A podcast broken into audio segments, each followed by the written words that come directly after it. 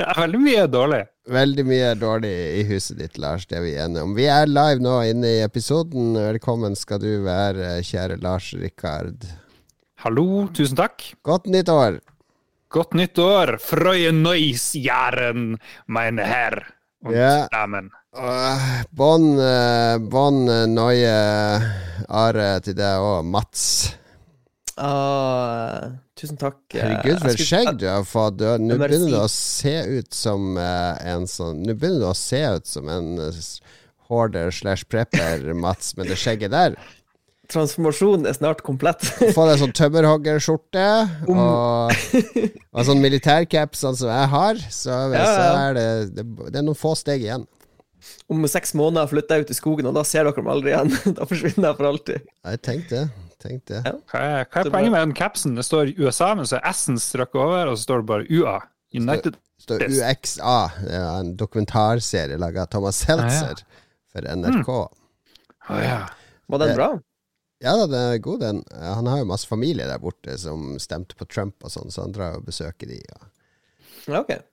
Stakkars. Artig opplegg. Men jeg har, eh, det er min Tarkov-caps som jeg har på meg når jeg spiller Tarkov, for da kommer jeg i military mood. Veldig bra. Ja, er det, det er ofte sånn uh, sportsutøvere sånn, har sånn overtro. Har du en sånn der uh, lykketruse? Den du hadde på deg når du vant kretsstevne i skyting, Mats? Har du en eller annen et klesplagg som du føler Hvis jeg ikke har dette på meg Hvis jeg har dette på meg, så performer jeg optimalt. Enten du gamer eller skyter eller hva, Nei. hva du holder på med. Jeg har ikke det. Jeg har, jeg har generelt sett lite overtro på, på sånne ting, faktisk. Ja. Det er bare Mein Kampf i baklomma. Det holder lenge. Den lille, lille versjonen. Det bitte lille. Mein Kampf i høyre og Maos lille røde i venstre baklomme. Har du sikra deg? Bibel. Bibelen. Ja. Bibelen. Ja. Gamle, bare Gamle testamentet. Holy moly. Det er uh, nytt år, og det betyr spådommer. Det betyr, egentlig skulle vi ha nyttårsforsetter òg, for jeg skal arrestere dere her i starten. For dere hadde ett nyttårsforsett for 2021, og hva var det? Jeg husker hva var det, Mats? Jeg husker ikke. Hva var det? Skulle vi skrive bok? Dere skulle skrive bok sammen. Å, shit! Dere skulle skrive en fuckings bok sammen. Fuck. Vi sikter Ja, for hva høyt. skjedde? Hvor, gikk det galt, Lars? vi sikter for høyt. Hvis vi går for sånn Donald Pocket-versjon av bok, Ja, jeg tror jeg jeg tror vi sikta litt for høyt. Jeg tror vi må, vi må skrive vi, jo, vi redigerer nyttårsforsettet. Vi skal skrive ett kapittel i 2022. Se der. Det er viktig å være realistisk. Ok? Ja. Ett kapittel, er det nyttårsforsettet? Ja, altså, eh, la oss ikke overdrive. Vi, vi overdrev i fjor. Vi feila Mm. totalt. Uh, Nå skal vi skrive et kapittel. Uh, vi, har ikke fått, vi har ikke fått en tittel engang, så det bør vi jo ha. Ja. Ja. Jeg kan informere om Så at jeg, Så sliter vi litt med å bli enige om antagonisten. Jeg mener jo selvfølgelig at det burde være dame, men Lars hater dame. Han vil at det skal være en mann. Ja. Ja. Det skal kun være menn i boka. Det har jeg bestemt for lenge siden. Ja. Eventuelt menn i dameklær. Så langt kan jeg strekke meg, men ikke noe mer. Ja. Ja, jeg syns det er viktig med litt sånn uh, slemme kvinnefigurer. Det er for det Ja, jeg vet ikke. Ja, jeg vil ingenting- kun ha Eh, det er mulig jeg dik- homofile menn. Det er mulig jeg dikta opp alt altså. Det er mulig dere burde Ja. ta denne samtalen med en psykolog i stedet, for det begynner å Ja. nærme seg det territoriet. Ja. Skjønner ikke hva du snakker om. Her er jo Har du noen gode anbefalinger? kanskje kan ikke, kanskje ikke Jeg skal ha en psykolog jeg skal anbefale anbefalingsspørsmål. En psykolog i Harstad til dere. Nei da, det er ikke noe skam å gå til psykolog, altså. Vi skal ikke gjøre narr av, av det. Nei, jeg tror faktisk det kan være veldig viktig. Ja, absolutt.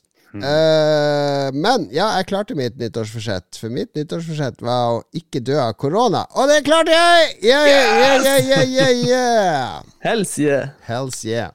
Ja, det vil jeg gratulere Jon Cato med 100% completion av uh, nyttårsforsettet sitt. Ja, jeg tenkte på det hver, hver dag gjennom året. Ikke dø. Ikke dø av korona. Ikke dø. Jeg havna på sjukehus og alt. Kunne ha skjedd. Kunne ha skjedd. Ja, faen, stemmer eh, det. Du var jo innlagt. var innlagt i flere dager. Hvis du fikk korona mens du ikke hadde 300 i blodtrykk og sånt, så, det hadde sett dårlig ut. Kunne gått riktig så ille. Kunne, gått, kunne blitt begravelse her i Oslo. Ja. Nei, det har vært sånn dårlig helse i 2021. Jeg drev jo og testa blodtrykket mitt, gjorde jeg en stund. Ja. Vet ikke, det, men legestanden bryr seg ikke om meg. Jeg har sånn Jeg sånn akkurat, du bør kanskje bruke medisin, men ikke så høyt at jeg gjør det. Og da, da bryr det seg ikke om meg. Jeg, det tror jeg er for gammel. Jeg tror Med en gang du nærmer deg over 40, da er du totalt uinteressant for Ja. legestanden. Da er du, du er liksom Du er et steg unna søppelhaugen, liksom. Ja, Ja. Så har jeg ikke barn. Det tror jeg òg teller mot meg. Han eh, kansellerte komikeren Louis C.K. Han er så kansellert at han har gitt ut sin egen nye special nå, som sikkert går som varmt hvetebrød. Men han hadde jo en sånn skitt, skitt med eh, Med en gang du bikker 40, så endrer alt seg hos legen. ikke sant? Før du er 40, så er det rett inn til spesialist med kneet ditt og vurdere Ja, ja, ja. operasjon og alt mulig sånn. Etter du er 40, så er det bare eh, ja, ja, får prøve å ikke belaste kneet så mye, da. Bare, kanskje dropper de fjellturene du bruker å gå på. You had a good run. Her er good Sånn run. Ja, men det er jo sånn Kroppen er jo som en motor, ikke sant? Våre kropper er jo ikke som en, eh, en eh, eh, Lamborghini fra 2019 lenger. De er jo mer som en Saab fra 2008. Så kan få den til å gå i ti år til, med litt vedlikehold, og hvis du er forsiktig og ikke kjører så mye om vinteren, men eh, Hva hvis du Trist. bytter ut eh, alt maskineriet i den gamle Saab-bilen med ny elektrisk motor og nye deler? Da kommer du til spørsmålet hva er egentlig bilen? Og hva er Ja. egentlig du, Mats? Hvis, vi, Ja. hvis du skjærer av deg hodet ditt og putter det på en ny kropp, er det da Mats, eller er, det, er, det, er Mats igjen i den gamle kroppen? Nei, altså Mats, Mats er jo bare bevisstheten. Så hvis du har en måte å beholde bevisstheten, men bytte ut eh, noen svake deler, så vil jeg jo tro at eh, Hvis vi har en reset-knapp på deg, sånn at du nullstiller alt hukommelsen din og ferdighetene og alt du har lært, og du våkner igjen, så er det ikke Mats lenger? Ja, når, jeg sier bevissthet, så inkluderer jeg jo eh, minner og sånne ting. Ja, ja, ja. Hvis du driver hvis du driver og måler impulsene, så er det jo De måler jo at handa di er på vei for å plukke opp vannglasset før du har tenkt tanken. Det er noe sånt. Kroppen, kroppen har sin egen vilje, så kroppen er ganske mye annet enn dine tanker. Så Ja. det er artig å vite hvor mange prosent er liksom det der lille du er bevisst bare 'Å, hva er det som skjer nå? Jeg sitter der.' Og alt det andre som kroppen får med seg.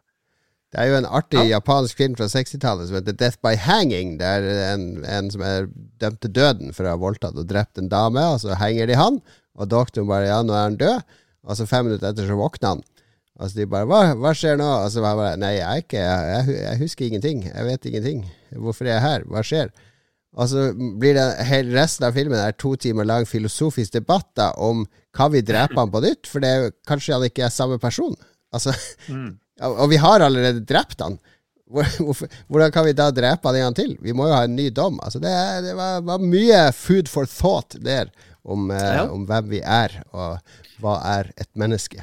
Jeg vil tro at han, eh, han Elon, Musk har et team som jobber med det her. Det er jeg ganske sikker på. Ja. Det der eh, hjerneteamet hans. Kalte du han Anal Musk? Elon. Ah, ja. ja. Ikke Elon. Elon. Ok, hva har vi gjort tenkt siden sist? Jeg har fått en leieboer. Ja, det var Ah, what? Et dyr eller et menneske? Et menneske. En levende person. En slave? Nei, det viste seg at um, de som bor under meg, uh, en sønn av noen venner av dem, uh, skal uh, få en sånn vikariatstilling her i byen i tre måneder. Så spurte de om han kunne leie leiligheten. Så sa jeg vet du hva, det passer helt perfekt, fordi jeg er ikke solgt den ennå. Ja, for du Og har hvis ikke jeg fått selger solgt nå det i- på Trondenes der, nei? Nei, det er litt sånn segt. Desember er visstnok ikke den heteste måneden. Men um, det, blir, altså, det kommer jo til å bli solgt. Ja. Men hvis jeg selger den, la oss si jeg selger den i slutten av januar, da, jo, da setter jeg bare overtakelsesdatoen til når han er ferdig med det vikariatstillinga si. Så det var da, har, nice. du, da har du en kar som kan være og vise rundt hvis det kommer folk. Uh, Ja, mer, mer at han kan vanne plantene, så slipper jeg å kjøre bort for å vanne planter og sånn. Jeg er sånn som der. eh, TV, inn han har TV, han kan bruke TV-en min. Å ja. Han røyker ikke inne og sånn, og fest og Nei, Jeg fant en sånn her awesome eh, standardkontrakt som jeg lagde, og der er det ingen, ingen dyr, ingen røyking. ja. Eh, ikke vær kjip. Det er veldig vanskelig for folk med katter å leie leilighet. Det har jeg vært borti med, med tidligere Ja, faktisk. Du, jeg tror når du er eh, leietaker, eller Ja. leie, leieboer, eller sånn, han som leier, så tror jeg du sliter hvis du har dyr. Ja, men det, Lars, er du også Hater du dyr? Hater Ja, jeg har sagt nei til masse katter? folk. Ja, Hvis folk kommer med hund, hva er Jesus skal jeg og andre folk sine dyr som driver er jo bjeffer Du hater ha, og- dyrehater, da? Ja. Ja. Ja. ja. Ja. Jeg er jo allergisk mot hunder, så jeg kan bare si det. ja, det er jeg òg, men det er ikke Lars. Nei, Kan du ikke legge på en tusenlapp hvis det er hund? Ja, det koster ekstra. Jeg hadde jo hund, men den døde. Ja, det er sant. Det, det er derfor du er dyrehater. Det ble Ja. for tungt. Den sveik det ved det... Så det, det tar egentlig det, det er bare pga. de vonde minnene at du ikke vil ha, se en hund, egentlig. Du vil egentlig holde deg unna hunder, fordi du husker bare Du blir så trist. Jeg, har, jeg fikk kremert den, så den er oppi et sånn askebeger. Et. Beger, et askebeger. Ja. Ok. Uh, ja, ja, men du har fått uh, leieboer. Det var kjempespennende. Dette. Nå, ja, det var det jeg hadde. Og så har jeg feira nyttår. ja. Hvor mye må han betale? Er det lov å spørre om det? Hva koster Um, um, kåken din? Nei, altså, vi trenger ikke å dokse, dokse hvor mye han betaler, men uh, det For å si det sånn Folk blir så eh, hårsåre. Jeg kan si, Hvor mye tjener du? Nei, Det er ikke men det er så det er kleint. Det er lov. Jeg syns bare det er kleint å snakke om sånne ting. Det er kleint å snakke om penger. Men finansierer han eh, lånet ditt? Ja, altså, jeg sku, jeg, Før han Yokato avbrøt meg med morsomme stemmen sin, så skulle jeg til å si at én en måned med leie fra han er over dobbelt av det jeg betaler i rente på en måned. Så Oi, oi, oi. Ja, okay. ok. Hvor mye betaler du i rente? på? Lars, hva, hva må de betale for å bo hos deg, da? 4002. Til sammen? jeg kan si at det er over dobbelt så mye. Ja, det er jo mye høyere standard da. Lars har jo det der eldgamle huset som ikke er isolert på siden det ble starta, Ja. og lekker varme, og det knirker og spøkelser av den bikkja Ja. hans som går igjen i veggene. Og... Ja. Ja. Så har jeg installert sånne her kamera. Sånn jeg streamer jo alt leieboerne gjør, så jeg tjener jo penger på sånne eh, Onlyfans. eh. Du får mye pa passiv passiv Ja. Passive income. Ja, jeg, jeg har fått eh, kjønnssykdom siden sist. En skikkelig Lars-opplevelse. Gratulerer. Ja. Jeg trodde jo jeg hadde fått kjønnssykdom før sommeren, nei, før jul. Nei, det Det ble jo. Jeg, jeg har vært, eh, Vi har vært på hytta og sånn i romjula. Vært mye ute og aka og sparka og litt sånne ting. Litt på ski. Det har vært litt lite snø, men eh, Vært inne Eidsbakken. måka litt snø og så videre. Og da jeg, lik, jeg går jo alltid i sånne veldig løse boksere. Og gått mye tur når det har vært fuktig og kaldt. Og så at den ene ballen henger litt utfor bokseren. Nei, de henger inni. Det er bare at bokserne er svære. For å ha plass til alt stellet må jeg ha litt størrelse på bokseren. Men så oppdaga jeg her en kveld for noen dager siden etter vi hadde vært ute og gått eh, lang tur, jeg og kona, eh, at når jeg kledde av meg, svei litt og klødde litt der nede. Og så dro jeg pungen til sida, da, og det var jo helt sånn der ildrødt. Sånn der skikkelig sånn utslett. Uh, skikkelig sårt og vondt. Akkurat som sånn skrubbsår mellom pungen og nedover låret der, da. Så ja, skikkelig det. Og det er jo fordi det har vært eh, litt sånn fuktig Det er sånn ty, ty, ja, Typisk sånn babyer får sånn i bleia. Det er derfor du smører de med sinksalve Ja. uh, i alle valkene. Det har vært så mye bevegelse. Det er som man, sånn eldre, eldre folk har, og barn har, tror jeg. Det, Så da heldigvis hadde vi noe gammel sinksalve liggende fra når ungene var mindre, så da driver jeg, jeg og smører meg inn hver morgen og kveld med denne sinksalven. Så det var ikke kjønnssykdom da, det bare føltes sånn. Ah. Det svei ned på pungen. Jeg har vært borti noe lignende. hva har du tenkt for å unngå dette i fremtida? Skal du kjøpe fastere Nei, boksere, Nei, nå må jeg vurdere å ha noen sånne turtruser som er sånne Y-fronts. Fordi det handler jo om at huden på pungen ikke skal ligge inntil låret og, og gnisse og gnusse. Så det handler jo om å, å ha et uh, tøyskille mellom testiklene og låret. Du må ha Ja, ja. kontroll på kontinentet, med andre ord. Jeg må ha kontroll på, på kontinentet der nede. Ja, ja fornuftig. Så- Eh, Ja. ja. Da blir det kanskje noen ytre jeg hater jo sånne truser. Jeg, jeg vil jo bare gå i løsest mulig klær. Ja, det er jo blitt så populært med sånne comfy balls og jeg husker ikke Nei, hva det det er ikke Det er, det er gufne greier. Jeg liker ikke det her. Kanskje det er noe til. Kan du amputere testiklene? Jo, jeg har jo ikke noe bruk for de lenger. De er jo bare i De er, veien. jo, de er jo egentlig bare en hasard der de Ja, henger og de er jo bare i veien. Hva, hva slags funksjon tjener de lenger?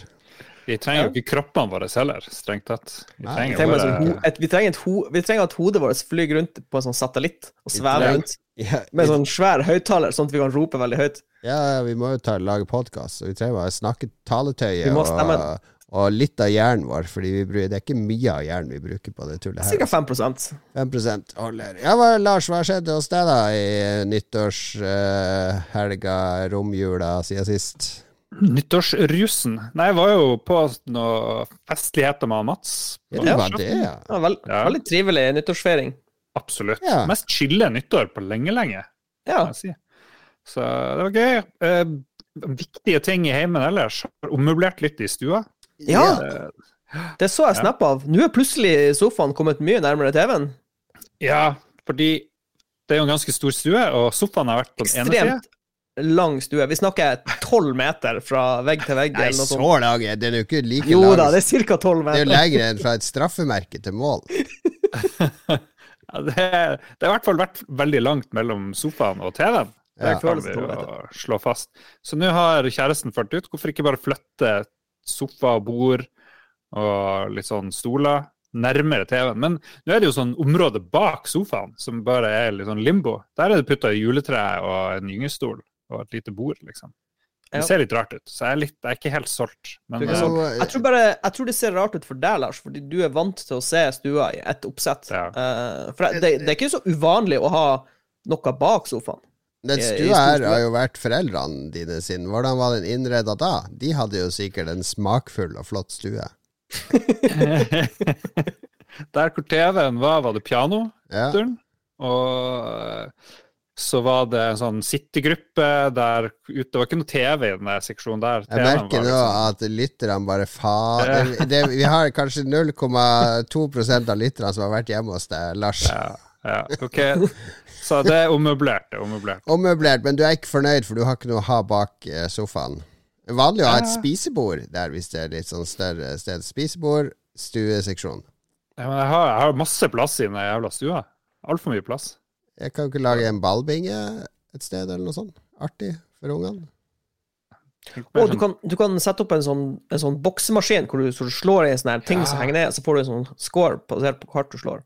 Du har jo så mye bøker nede i kjelleren. Kan du ikke lage sånn library-krok? En liten lese, Ja, lesekrok med leselampe, skinnlappstol, skammel, en sånn globus, og du har whisky. Så kan du sitte der og lese bøkene dine, kose deg, ta en sigar. Ja. Ta en sigar. Du kan installere en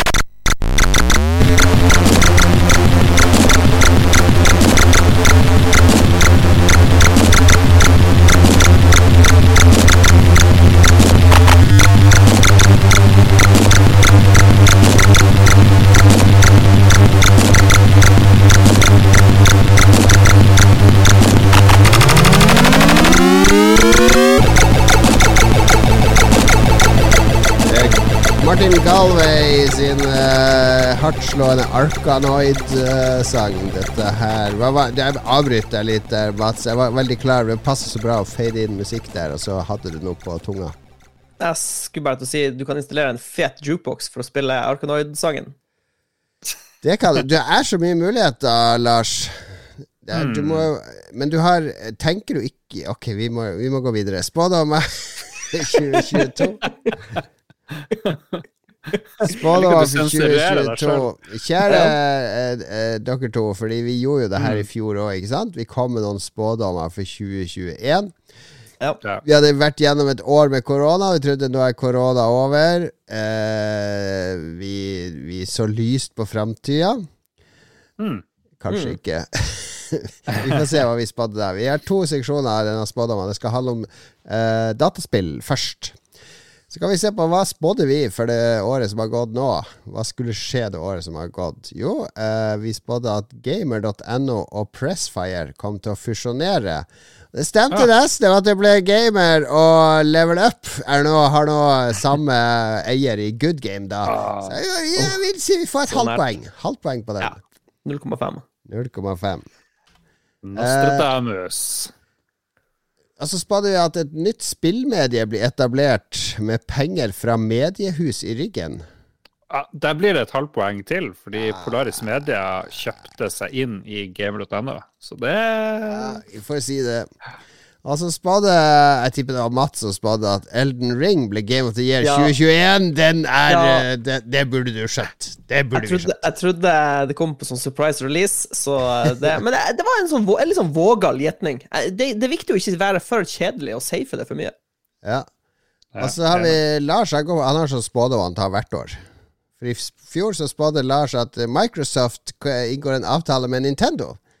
Eh, Ja. For jeg sniktitta på dine spådommer for 2022, og du har stort sett det samme. Ja, spoiler alert. Det blir å skje. Det skjedde ikke, så null poeng der. Men vi spådde flere Sony First Parties på PC, og det har jo skjedd i høyeste grad. Eh, Horizon Oh, yes. ute, det, eh, det der motorsykkelspillet, og nå kommer jo God of War òg, er jo rett rundt hjørnet. Eh, Oh, yes. Akiera Bridge of Spirits, eller hva det heter, det er jo også ute på PC, så eh, det er, eh, det er gode Der vil jeg si tider. vi får ett poeng. Good, good times. Ja, det er ett poeng. Definitivt. Så vi fikk eh, Ja, ja. Vi traff på nesten halvparten av våre spillspådommer i fjor, så det lover godt for spillspådommene i år. For vi har kommet med tre spådommer hver. Jeg fjerner den der Microsoft Nintendo-spådommen din, Lars, for du har selvfølgelig skrevet fire. Så da har du tre. OK, OK. Jesus. Greit. Ok, skal vi ta hver først? Eh, Lars var inn først der. Ja. Jeg spår at jeg kommer til å ommøblere stua enda mer. Nei, nei, nei, ja, fordi Fordi, Uh, nei, ja. skal vi se fordi Vi Sony Å, oh, nå ødela du hele, hele den fine flyten der. Å, ja, fra ja. Ja, ja, ja, ja, ja. ja. Jeg kommer til å ommøblere stua mi fordi Sony kommer med nytt VR-headset som jeg kommer til å kjøpe. Å ja, Hey. se der, ja. Mm, ja. Ja. Jeg trodde jeg skulle bare være morsom. PSVR2. Ja, hvorfor ikke? Ja. Er ganske råtten oppløsning på gamle Sony PlayStation 4-greia. Ja, de må- og jeg tror ikke de har gitt opp. Og i motsetning til hva Lars elsker å si, det er VR er jo dødt, og det skjer jo ingenting. Men VR Nei. har en sånn jevn flyt år for år. Er det øker brukerbasen og sånn. Ja, jeg sånn- hadde ei niese som fulgte år i desember, en haug med tolvåringer. Og da fikk de låne Oculus eh, Quest-headsetet mitt Ja. og spilte Beat Saber. Og eh, de, de koste seg, for å si det sånn, så alle ønsket seg VR-headset til jul. Ja. Av de da. Så jeg tror, jeg tror VR er kommet for å bli, og jeg tror det kommer til å ja, vokse. Jeg tror, jeg tror Saab med bilmerket ble nevnt tidligere. Jeg tror at VR er som Saab. Det er noen kul ting for veldig få. Sånn sære folk. Og that's Ja. it. Saab var aldri en kul ting for noen som helst. Det var en bruks... en, en helt grei bil. Jo, liksom leger, arkitekter, huseiere. Kjørte rundt i Saab. Gjorde det. Jeg, gjorde det. jeg kjenner ingen som har kjørt Saab. Faren til Gunder kjørte Saab. Ah, ja. Eh, Kian Krogstad eh, kjører Saab. Ja. Kjørte Saab. Saab 95. Det er det eneste folk kan vite om. Kjørte Saab. Der, derav leger og huseiere. Dette blir en Har lang episode. Har det ikke han Var det ikke noen i Seinfeld som kjørte en Saab? Det er jeg 100% sikker på.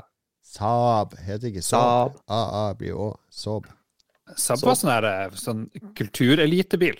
Det er jeg ganske sikker på. All right. I USA. I USA. Jeg Volvo Og kanskje. spår at uh, Bobby Kotick kommer til å gå av til slutt. Oi, oi, Oh. oi, oi. Ja, det, Ja. Vet du hva, jeg håper at du har rett, Jon Cato. Mr. Douche. Ja, det blir bare Mr. mer og mer pre... Jeg så han der uh, Hva heter han? Det er en som uh, har en sånn der eh, finansshow på CNN eller noe sånt. En sånn der dude i skjorte som står og roper og peker. Å, han, ja. Ja. Hva heter han for noe? Kramer, eller et eller annet sånt? Eh, ikke. Angry Man. Ja, men han hadde sånn der eh, fem verste performers i 2021, og det var Activision Blizzard på fjerdeplass, der han uh, snakka om Bobby Kotick og katastrofale resultater og renommé osv. Driver Kramer og er sånn Twitch-streamer, det er det du sier? Det var Ikke det jeg sa. Jeg husker ikke hva han het, han der. Ok, eh, folkens. eh. Jeg googla 'Angry Money Guy', og første treffen er James Joseph Kramer. Som er, er Kramer, han ja! Kramer! Du har sett han, Han du òg, Lars. Vi brukte å se på han når vi gikk på Blindern. Det heter Mad, Ja. Mad Money. Å ja, han der, ja. ja. Ja. ja ok. Mad Money. So old. So old. Uh, ok, min prognose for 2022 er Elden Ring Game of the Year 2022, baby! Hey. Time vil back. Det show. kommer, det, kommer, det kommer 25. februar. Det kommer til å være fantastisk. Ja, vi håper det. Ja. Håper det. Jeg har, vi krysser fingrene. Lars, Ja da, prediction number two. Sea of Thieves blir årets spill. i Lolbua blir det det, da. Ja. I Lolbua. Men liksom, det, det er ikke med vilje heller. Det, det er ingen som har snakka sammen før de der eh, sendingene, og så klarer Sea of Thieves å bli årets spill hver gang. Og det er veldig rart. an. Anarkiets makt. Anarkiets makt. Ja, det er noe der. Jeg spår at uh, Peter Molyneux Han driver nå med blockchain-spill.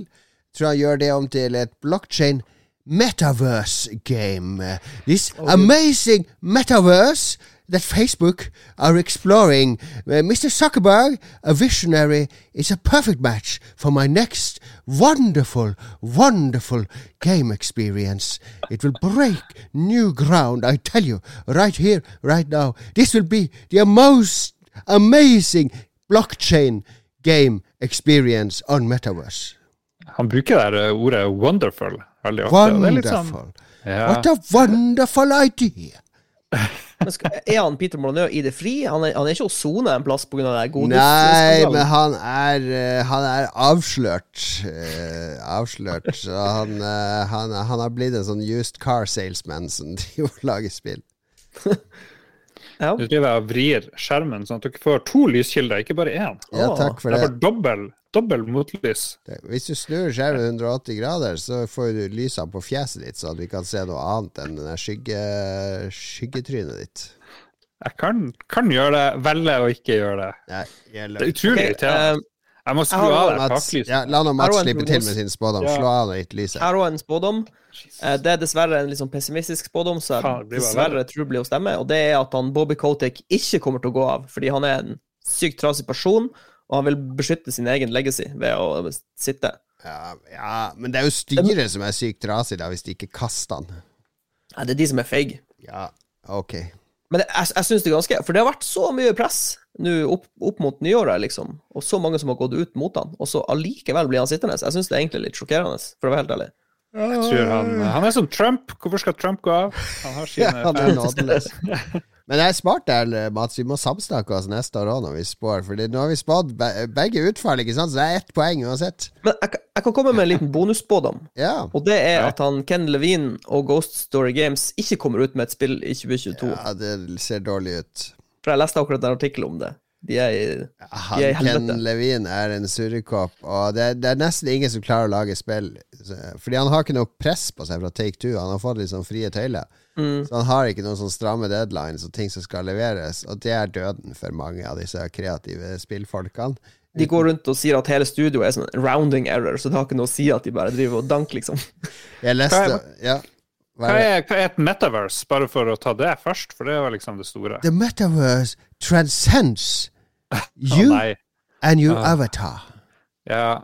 Hva, men hva du gjør i metavers for noe? You will cry, you will laugh, you will experience all the highs and lows of real life, but in a Ah. wonderful virtual environment.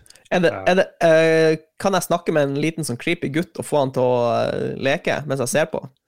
You may create a child to accompany you on this wonderful journey. Hva heter han der ungen igjen? Hva Ja, Milo, the Milo, child will uh, be your right hand man in the game and point out points of interest that you can explore and interact with. Right hand wanker. bli, Han lille, han lille misbrukte Milo, han er sikkert som narkovrak nå i kjelleren til uh, Jeg skulle til å spørre om jeg kan i Metaverse kan jeg bli kongen av underverdenen og få han Milo til å torturere fiendene mine. Your every desire can come true in the metaverse when Peter Molyneux, the king of game creation, is Sorry. back, baby! Back with the blockchain! Back with the metaverse! Eat my fucking fist, peasants! Wow. Litt sånn angry Molyneux, jeg liker det. Ja, det er er, eksklusivt. eh, Eks, for, eksklu- første Molyneux-intervju i 2022, det fikk du her på Lolbua. Ja. Veldig bra. Bra. Vi er uh, Skal vi se, Lars. Er, er, du hadde en bonus på, da? Var det så, Mats?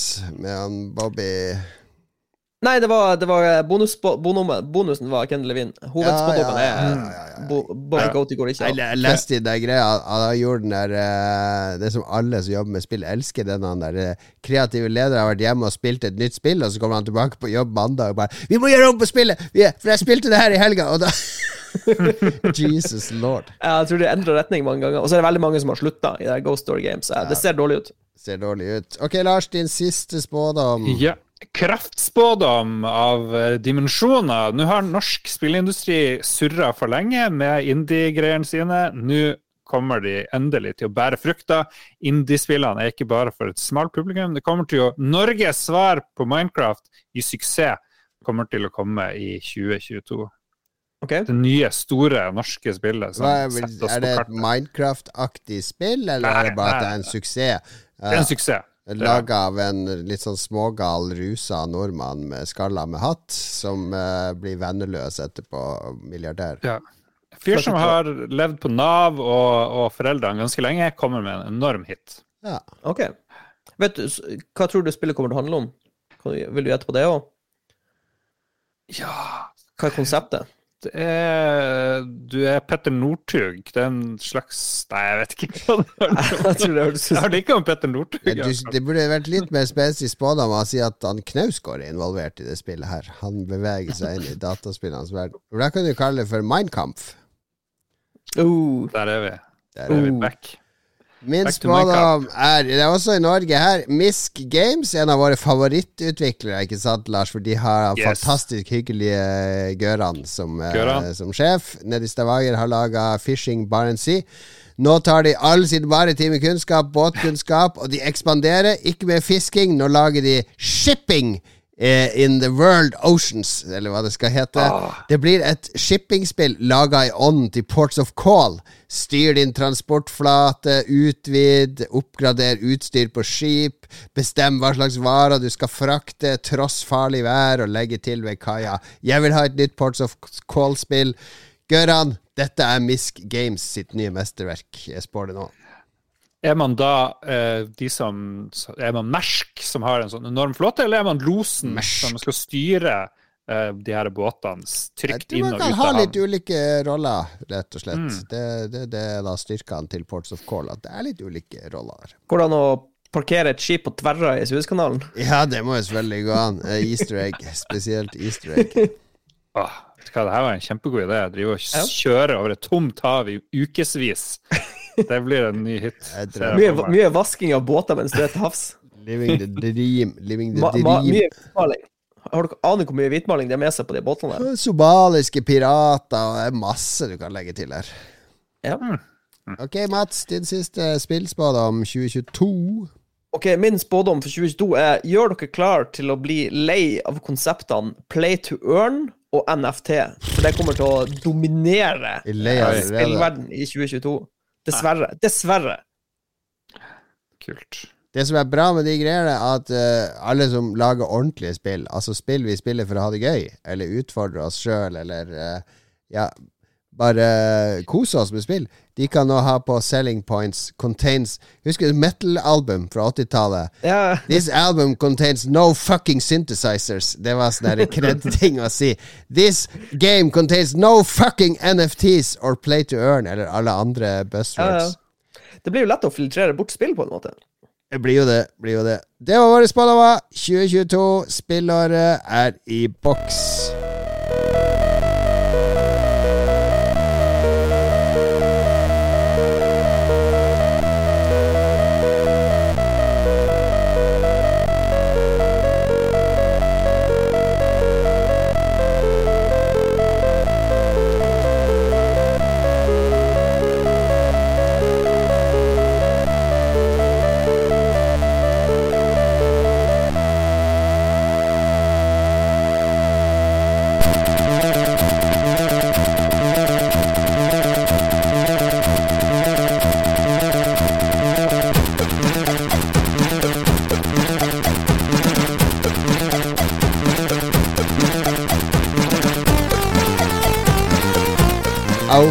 Wiedersehen. Monty heter det spillet. Commodore 64. Rob Hubbard, selvsagt, bak eh, soundtracket.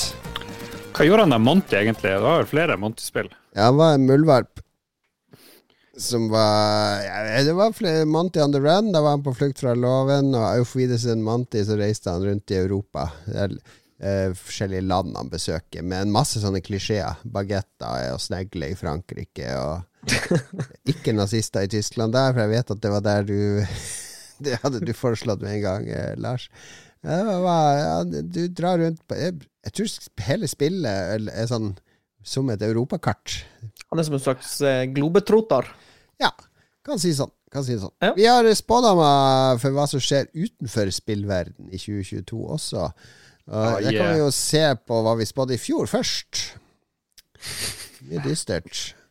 Eh, en hungersnød av bibelske proporsjoner.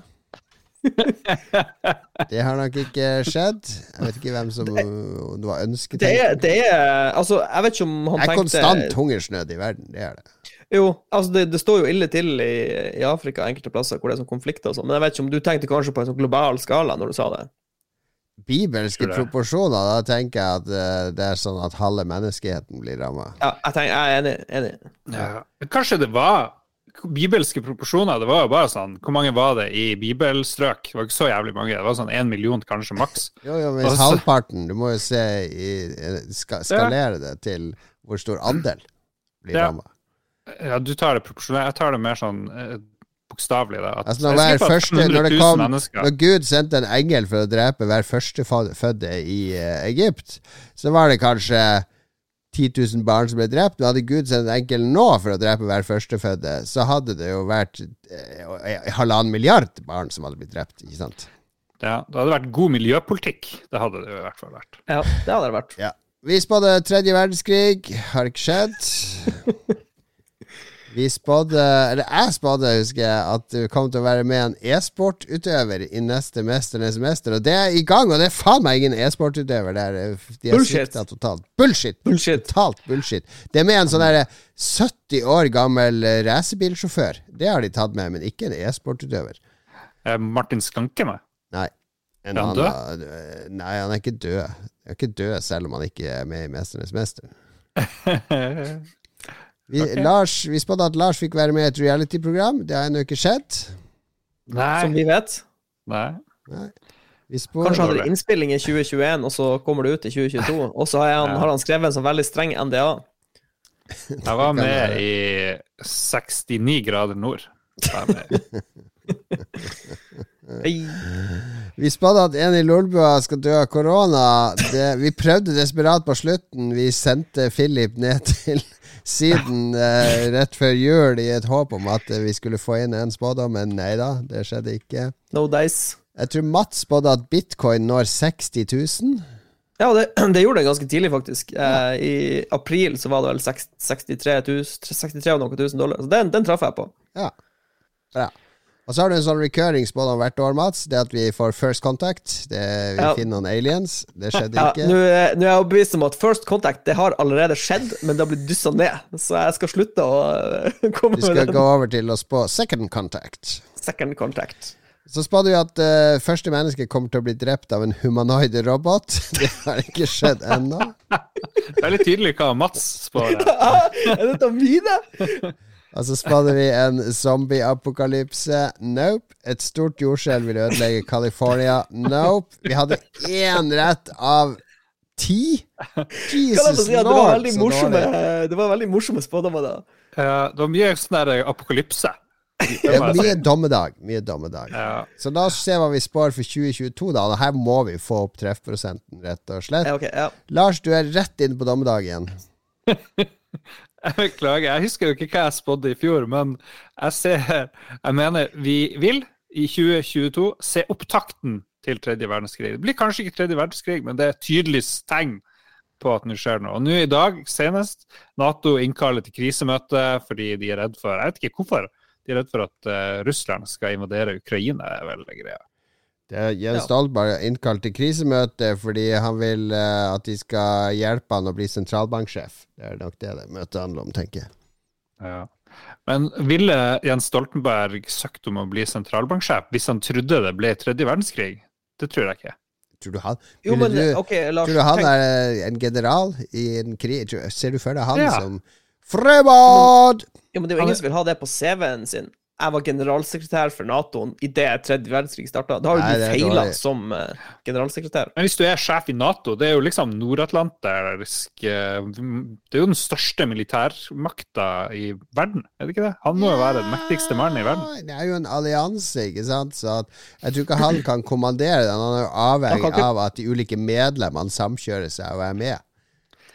Han kan ikke si til USA hei, nå skulle dere angripe Beijing, liksom. Så blir, så blir Nei, USA jeg tror jeg, Kina, han, han Ping i Kina Han kan si til sine sikkert én million soldater Løp inn i USA her og skyt, ikke stopp, ellers blir dere skutt. Og da hadde alle gjort det. Mens Jens Dahlberg, hvis han hadde sagt det, løp inn i Kina her og ta han Ping, så hadde han sagt «Eh, Vi må prøve diplomati først! Jeg kan jo utforske alle muligheter!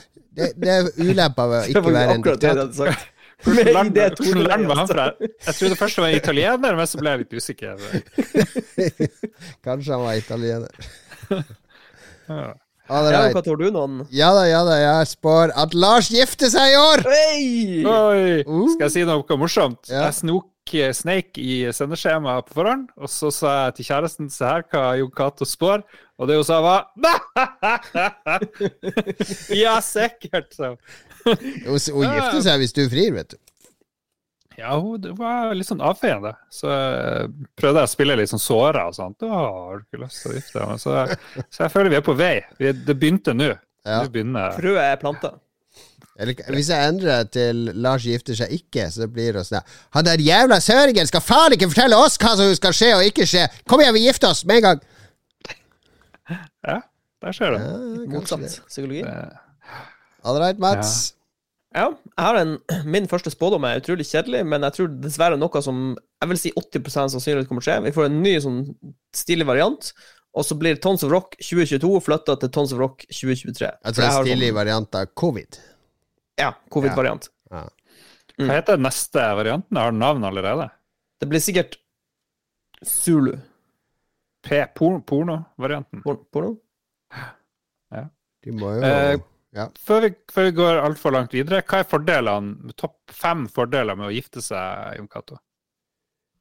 Uh, Det blir en bra fest, og får masse folk til å komme. Jeg blir vi, jeg og Synne, blir jo å fly opp til, selv, selv om dere legger det til Kautokeino eller langt ut i Gokk, så kommer vi til å fly opp for å være med. Får masse gaver, sånne, og dyre, ordentlige gaver òg, ikke sant? Fikk ikke så mye gaver som meg, kan ikke jeg huske. Jo, jeg fikk jo et flott maleri som vi har i stua. Altså, Ja.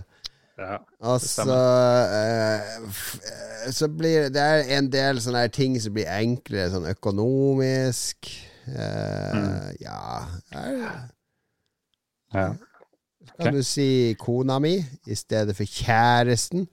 Jeg syns det er flaut når folk over 40 omtaler som kjæresten. ja. Jo. Nei, jeg ser, jeg ser det. Spesielt det der med festen, det høres bra ut. Og Ja. gaver. Det er det som er best. Kona Men du kan jo kalle, det, du kan jo kalle noen kona selv om man ikke er gift. Skal du ikke det? Eller er det å villede? Ja, ja, det er jo det. Hvorfor har du ikke på deg ring? Jeg vi er ikke gift. Ja, hvorfor sier du det? Ja. For en moron. Ok, ok. Neste spådom, Lars. Uh, hvor er vi? Her! Noen Nei, ja, den, ja, den er bra. Steven Segal lanserer kampanje for å ta over makta i Russland etter Putin, med Putins velsignelse. Juhu! Segal er jo mye yngre enn Putin. Han begynner jo å se skikkelig sånn her Berlusconi ut i trynet, så han, eh, han kan knekke når som helst, han her eh, Putin, vet du. Han Ja. begynner å bli sånn bloated, eh, operert tryne. Så du tenker det kommer en fyr fra utlandet liksom og skal ta over? Han har blitt eh, russisk statsborger, eller kanskje Ja, har blitt Russland. Ja, han har bytta statsborgerskap. Jeg tror så det. det, Oh, så det går sikkert helt topp. I hvert fall artig hvis sigar. For jeg, jeg finner ikke noen nye filmer. Jeg, jeg vet ikke, Er det fordi Jens Arthur er død? Hele markedet datt Markedet med Jens. Arthur. Det er ingen som kjøper sigarfilmer lenger. Han er ikke så populær lenger. Kanskje. Nei. Jeg har en kjedelig spådom som jeg tror slår inn. India blir verdens mest folkerike land. De går forbi Kina. Ja. Mister De utenrikspolitikk. har, ikke, de har ikke satt på bremsen der ennå. Nei, altså tror jeg Det er mange som dør i India av covid, men jeg tror i Kina er det sånn Å nei, det er covid i denne byen med 20 000, er det inn med flammekasterne og drepe alle. Det er ingen, ingen som følger med på hva som skjer i Kina uansett. Så lenge vi kan reise bort og gå på ski og se, se på TV og heie på Norge, så er det ingen vits, å, ingen vits å gjøre noe med Kina. De har vel stengt grensen sin òg, har de ikke? Du ikke Ja, ja, ja, inn i du Kina? kommer ikke inn, men de idrettsfolkene kommer vel inn. De skal jo bort der og ha noen olympiske leker snart. Ja, det, de er utenfor reglene. Vet du hva? Det er ingen nye Steven Segal-filmer etter 2019. What the fuck? Kanskje han er død? Kanskje han er død. Kanskje? Ja, ja. Ok, Min- eh, Mats. Min andre spådom er at det nye romteleskopet James Webb kommer til å finne noe dritkult. dritkult. first contact igjen! First First, contact. contact. igjen! Jeg hadde opprinnelig hadde jeg at de finner en planet som er, har vann og liv, og så mobiliserer han Elon Musk et, opp, et oppdrag med en gang. Men det var, det var litt for far-fetched. Eh, Da snakker vi noen år frem i tid. Men jeg tror at det kommer Jeg tror og håper at vi får veldig kule bilder fra det rom- romteleskopet. Jeg har sett noen sånne YouTube-videoer. Det er ganske vilt eh, hvor mye mer avansert det er. Ja, for de kan ta bilder ganske langt unna. Ja, de, um, de um, får inn uh, infrarødt lys, så de kan liksom se ting som er mye lenger unna. Og det blir som en tidsmaskin, på en måte. Jeg skjønner. Når de skal ta Det er jo ganske mørkt oppe i verdensrommet. Bruker de blits når de tar bilder? Nei, de har speil. Ja, de har Det er speil. Ja, ok. Speilprinsippet. Ja. Speilreflekskamera. Speilreflekskamera.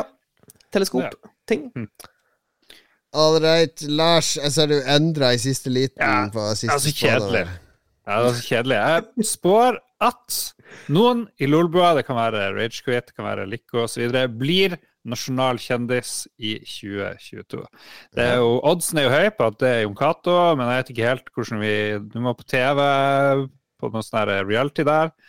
Maskorama, jeg vet ikke Hold, hold det å være øverst på VG i fem minutter, liksom. ja, ja, tenker du på å gjøre noe kriminelt? Nei, jeg, jeg du, kan bare jo, eller, du kan jo underslå vilt i selskapet, f.eks. Da blir du Mm. nasjonal kjendis i et par dager, og så stikker du til Syden. Meld deg inn i Frp først. Ja vel. Nei, jeg kan godt ta en kule for laget der, altså. Ja, Hvis jeg får bo og bli i Syden, på en sånn bra lokasjon. ja. i en bungalow. Ja, en bungalow, baby. Men er det Hva hvis noen går viral? Hva hvis Dag Thomas begynner å legge ut alle de millioner videoene når han synger i bilen? Eller rapper i bilen ja, på er TikTok, Altså får Ja. han millioner av views? Han er jo ikke nasjonal kjendis, da. Vet du hva det er? Jo, for da, jo, for da, kan, du, da kan du lage en sånn uh, nyhetssak om uh, Dag Thomas har flere millioner følgere på Ja, ja, TikTok, ja. og så lager de en sak om at han er kjent på TikTok, og da blir du nasjonal kjendis. Rappe Dag Thomas. Ja. Se den, den crazy Dag Thomas fra Sarpsborg som rapper i bilen sin hver dag. ja, det tror jeg vi er inne på. ah, Altså, det blir han, Ja. jeg blir han gjest på Senkveld, eller hva det er som erstatter det. Altså Der skal de prøve han. Altså Du kan altså rappe det her til hva som helst. Ja, ja, ja. Og så spiller de litt sånn dansebandmusikk, og han rapper opp, og så spiller de litt sånn folkemusikk, og så spiller de litt drum and bass. Det er, her, her er kjendisen vår. Hva om han gjør noe sånn her eh, jackass-shit? Han er jo en sånn levende jackass. En levende jackass. ja. Gjør masse teite ting, skader seg sjøl. Det gjør han jo allerede. Men han, gjør, Ja. han deler det bare innen et lukka fora, forum, da. Han er den norske jackass, så hvis vi klarer å monetize det, så da snakker vi. Før han Ja. dauer av uh, usunn livsstil. All right. Det burde jo vært et realityshow om Dag Thomas. Det hadde, det hadde fått Ja. seg. Absolutt. Det, det burde vært lagd, faktisk. Ja. Når, du, når du ser hvem andre som får realityshow, liksom. Ja, ja, ja, Helt ja. normale folk. Skal vi se. Jeg liker at vi sier han er veldig unormal med alle de tingene der, men han er jo vi elsker deg, Dag Thomas. Ja, han er ikke helt han er normal. flott, flott fyr. Vi- elsker han ikke fordi at han er så rar, for han hadde fått lov å være med selv om han var helt normal òg. For det er noen ikke sant, som er litt sånn sære, og så føler de at de må være sære hele tida for å bli likt og akseptert. Og sånn, det er ikke, sånn er ikke vårt forhold til Dag Thomas. Vi aksepterer han. Kjør musikk. Nei da, vi har flere. Siste spådommen min er jo at han Charles endelig får bli kongen i Storbritannia. Oh shit. Wow. Tror du ikke det? dronninga dør. It's about time. Ja, men Jeg akkurat nå så eh, ligger jo svenskene an til å ta over tronen eh, fortest. For både svenskekongen og dronninga fikk jo korona i går. Hun, eh, hvis hun lever lenge nok i 2022, så blir hun den første britiske monarken som har sånn platinumjubileum. 70-årsjubileum på, på trona. Ja, jeg krysser fingrene for Charles. Det er jo kjedelig. Charles han har gått I 30 år og tenkt snart, nest, snart er det min tur. Snart! Neste år. Neste år. Nå er han jo faen meg Han er jo hundgammel, han Charles. Det er jo et enormt problem for Netflix, som begynner å gå lei av det her The Crown-greia. For nå skoker de med spiker etter hvert, sikkert. Og skal ha en hel sesong hvor dronninga bare er 80 år gammel. Det, det blir gøy. Ja, det blir vanskelig. All right, Mats. Ja, jeg har eh, min siste spådom er at uh, det blir Kina sin tur å uh, ha det vondt i Afghanistan. Hva i all verden virker- skal de i Afghanistan gjøre? Dette Nei, eh, de er jo der allerede. De holder jo på å bygge veier og hjelpe dem å Jeg vil tro det er en naturressurs i Afghanistan som Kina eh, har lyst på. Det er, jo, det er jo en grunn til at de er der. De er ikke der fordi de har lyst til å hjelpe eh, afghanerne. Og jeg tenker at de, de, de har begynt med sånn forsiktig fotfeste nå, og så kommer de på et tidspunkt til å, til å ta litt for store grep, og så blir Taliban eller noen lokale krigsherrer sur, og så blir det militær konflikt med Kina i Afghanistan. Men fordelen er jo at Kina kommer ikke inn og skal invadere landet, sånn som Russland og eller Det begynner sånn. Sovjetunionen. Det begynner sånn. Ja. Jo, det Det begynner, begynner jo. bra. Alt begynner bra, og så, eh, og så blir det ikke så bra. Men skal de ha, det blir fort en tofrontskrig, da? Med, de skal inn i Taiwan nå neste år, eller i år, har jeg skjønt. Ja. yes. Ja. Det blir bra. Kos. tror du ikke noen av oss slipper inn i Kina hvis vi prøver? Jeg er sikker på De har så mye folk der, jeg er sikker på at de har en eller annen som kan norsk, som sitter og hører på alle norske podkaster for å høre om de sier noe negativt om Det, det er tre navn på den lista nå. Ja. Matsu, Lashu og Jon Cato. Aldri inn i Kina. Og takk og pris for det, så slipper vi det helsike sursøte uh,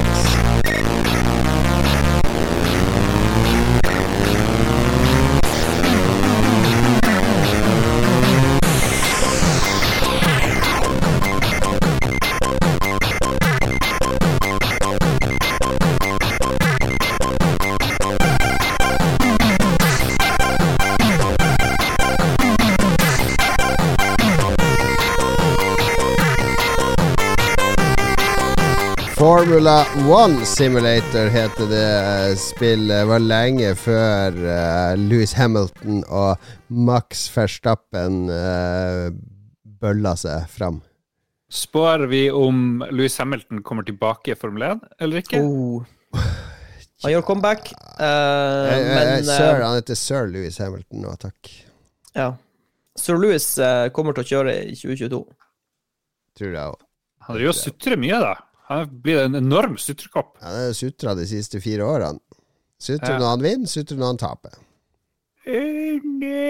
Ja, men I hvert fall han ikke skal begynne med sånne klesmerker og sånn. eh, han tror jo skulle bli musiker, han prøvde å lage noe musikk. Det har jeg lyst til å høre. Det er sikkert helt forferdelig. Ja. Nei, men han er flink til å kjøre, da. Skomaker, bli ved din lest, er vel det vi sier. Du, han er veldig flink til å kjøre bil. Kanskje han blir taxisjåfør. Ja, det, Eller jeg hører de trenger Uber og Foodora og sånn. De trenger også folk til å kjøre mat hjem. det, det, du, du mente ikke det er rasistisk, men jeg tenkte på, er det lov å drive og klage om igjen og om igjen på sursøt saus? Er det innafor sånn rent uh... Nei, det har ikke noe med rasisme å gjøre. Det har med mat, ukultur og kultur å gjøre.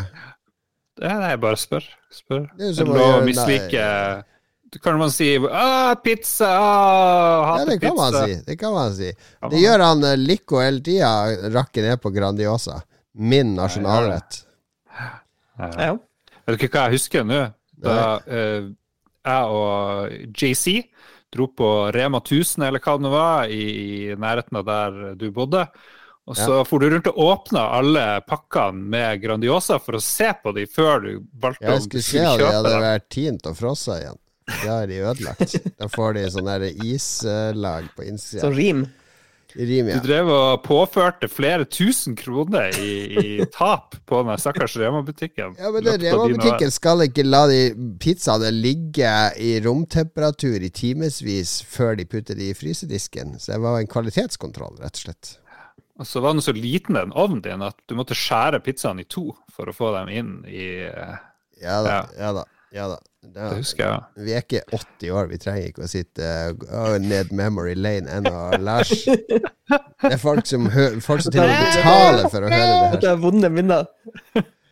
Vi skal snakke om hva vi har spilt i det siste. Jeg kan begynne med deg, Lars, for du har spilt noe ganske nytt og fresht.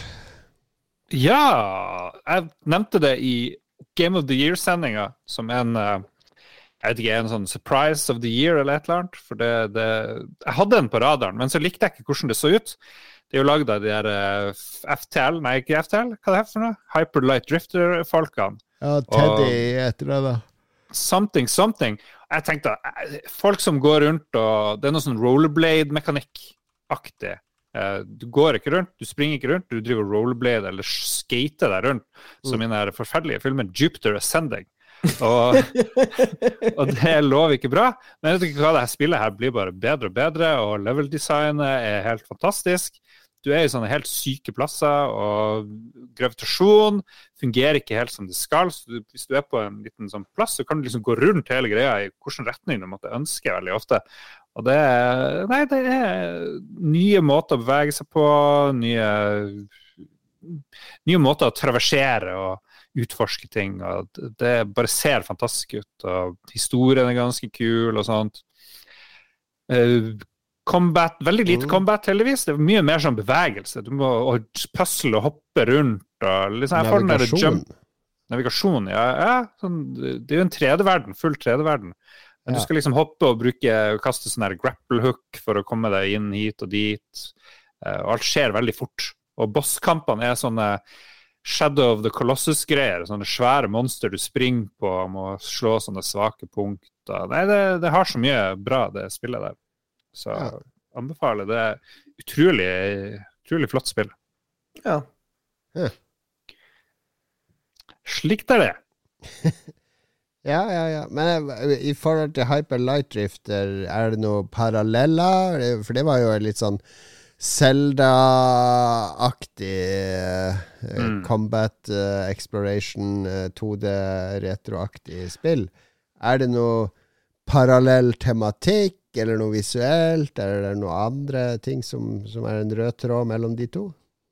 Jeg vet ikke hva, den historien er litt sånn far, litt sånn veldig konseptaktig. Du er i et svart hull. Et svart hull driver og sluker inn planeten, og du og andre hyperlight drifters eller void runners eller hva det heter, prøver å redde, men så havner dere inni der, og det er bare alle døde, og det er trist. Ja. Men, eh, men Zelda-aktig er jo at du åpner nye områder, og ja Ja, ja. Det er litt sånn. Zelda i 3D, kanskje. Ja, muligens. ja, det høres jo spennende ut. Jeg har det jo Veldig spennende. Jeg har det på lista mi. Det er bra. Hva med deg, Mats? Jeg kjøpte et spill på Steam som var på salg. Det var jo sånn salg nå i jula. Ja.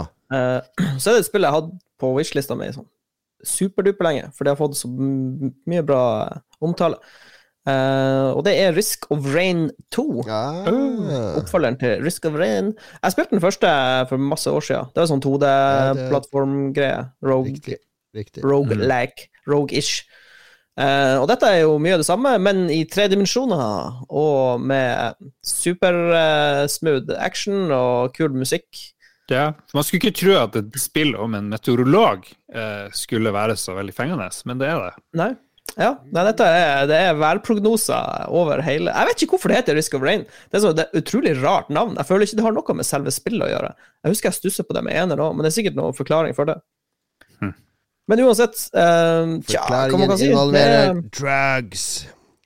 det, det er en ting som er ny, som jeg ikke har uh, sett Det er sikkert, det kan hende noen andre spill har det også, men uh, når du starter Det er jo sånn runs. Du tar ett run, og så dør du, og så tar du et run til, og så er det sånne nivåer du skal slåss deg frem til en teleporter og opp, få, skaffe oppgraderinger underveis, sånn at du blir kraftigere for å slåss med bossen, da, og så blir det en ny boss på neste nivå, ny boss og ny boss. Mm. Eh, men det som er litt kult, eh, men også litt sånn interessant måte å lage vanskelighetsgrad på, er at eh, det går en timer, og jo lengre tid du bruker, jo vanskeligere blir alt. Ja. Men det, det bet, altså, tid brukt per level betyr nødvendigvis ikke hvor kraftig du er, for det kan hende du liksom fomler litt rundt og ikke finner ting og sånn, så det kan, det kan rett og slett bli vanskeligere pga. at du driver og sæmer så mye. Så spillet tvinger deg liksom til å skru opp farta, og det er litt uh, kult. Mm. Så er det bare Ja, det er masse RNG, fordi du får sånne Du dreper monster, så får du penger, og så skal du bruke pengene på å åpne sånne kister som gir deg upgrades. Og de upgradene er jo tilfeldige. Så det varierer veldig fra run til run hvor heldig du er med de her powerne powerene du får fra kisten. Så det, det er litt Kanskje, kunne kanskje vært gjort eh, litt annerledes, jeg vet ikke. Men RNG er jo en stor del av sånne her spill. Men eh, ja, jeg har spilt det tre timer eller noe sånt, og kost, kost meg veldig med det. Jeg spilte, og min eldste sønn har spilt det veldig mye. Uh, han er, er veldig god i det spillet. Jeg skjønner, jeg skjønner hvorfor eh, det har fått så mye bra tilbakemelding, i hvert fall. Mm. Og så det går det an å spille Ja, en annen ting. Eh, Det går an å spille med venner. Det går an å spille coop, eller flere samtidig. Det har jeg ikke fått prøvd, da. Men det tipper jeg er Mm. sinnssykt mye kulere enn å spille det alene. Ja, fikk litt lyst du, du har jo masse sånne synergier på de her eh, powerene du kan få. Og jeg vil tro at når du spiller i lag, så kan du utnytte det til det maksimale. Tittelen Risk of Rain eh, speiler på at du er en sånn enslig protagonist i en svær verden som hele tida går rundt og bekymrer deg for farer og Oh. ting og tang. Så det er en risiko. Er risiko hele tida. Uh, ja, da vet vi det. Da vet vi det. Jeg har spilt eh, et gammelt, gammelt spill. Jeg dro med vi Switchen opp på fjellet i jula og bladde litt i gamle spill, og fant ut at nå skal jeg runde New Super Mario Bros. Uh, U. Uh, Switch-versjonen, for det kom egentlig på VU. Et 2D, klassisk 2D-Mario-spill med en sånn stor overworld, der du går fra bane til bane og tar et slott, og så åpner du en ny verden, så det er åtte verdener, osv., osv. Og så var det vel også det første Mario-spillet som vi oppgraderte grafikken til mer sånn detaljert HD-grafikk. For før det hadde det vært litt mer sånn simplistisk uh, eh, sprite, 2D-aktig grafikk. Det er jo fortsatt 2D, men det er liksom 3D-modeller som snur, Mm. snur seg og roterer. Og, ja. Så, så det, det ha- hadde vært sånn grafisk steg framover for Mario-spillene, som jeg tror jeg egentlig ikke likte så godt da det kom. Det var litt sånn der Ai, Oi, skal Mario se så detaljert ut, og fiendene og sånn. Men nå har jeg vent meg til det, og da kan jeg heller nyte Det er veldig mange bra nivåer i det spillet. Det er ganske god vanskelighetsgrad i det spillet. Det er sånn utfordrende pluss til å være Mario. Eh, det er kun lagring når du tar en eh, mid-level, det der midtslottet eller sluttslottet, så du må liksom risikere litt på veien. Eh, konsentrere deg, ikke bare restarte der du sist døde hver gang. Så jeg, jeg, jeg digger det. Digger det. Jeg er på nest siste verden nå. Har tenkt å runde det. Kanskje er det mitt nyttårsforsett for 2022 å spille gjennom alle de gamle Mario-spillene. Oi. Alle. Gammel drit. Ja, Spill det, er gjennom gammel ikke, drit. det er ikke drit heller. Det er, noe, det er en del sånne nivåer her som er designa på en såpass finurlig måte at det blir som klassiske rockelåter. Ikke sant? De, de får, får sin egen identitet, rett og slett. Uh, ja, Da anbefaler jeg Solar Ash. Veldig bra level design. Ikke 1000 år gammel dritt.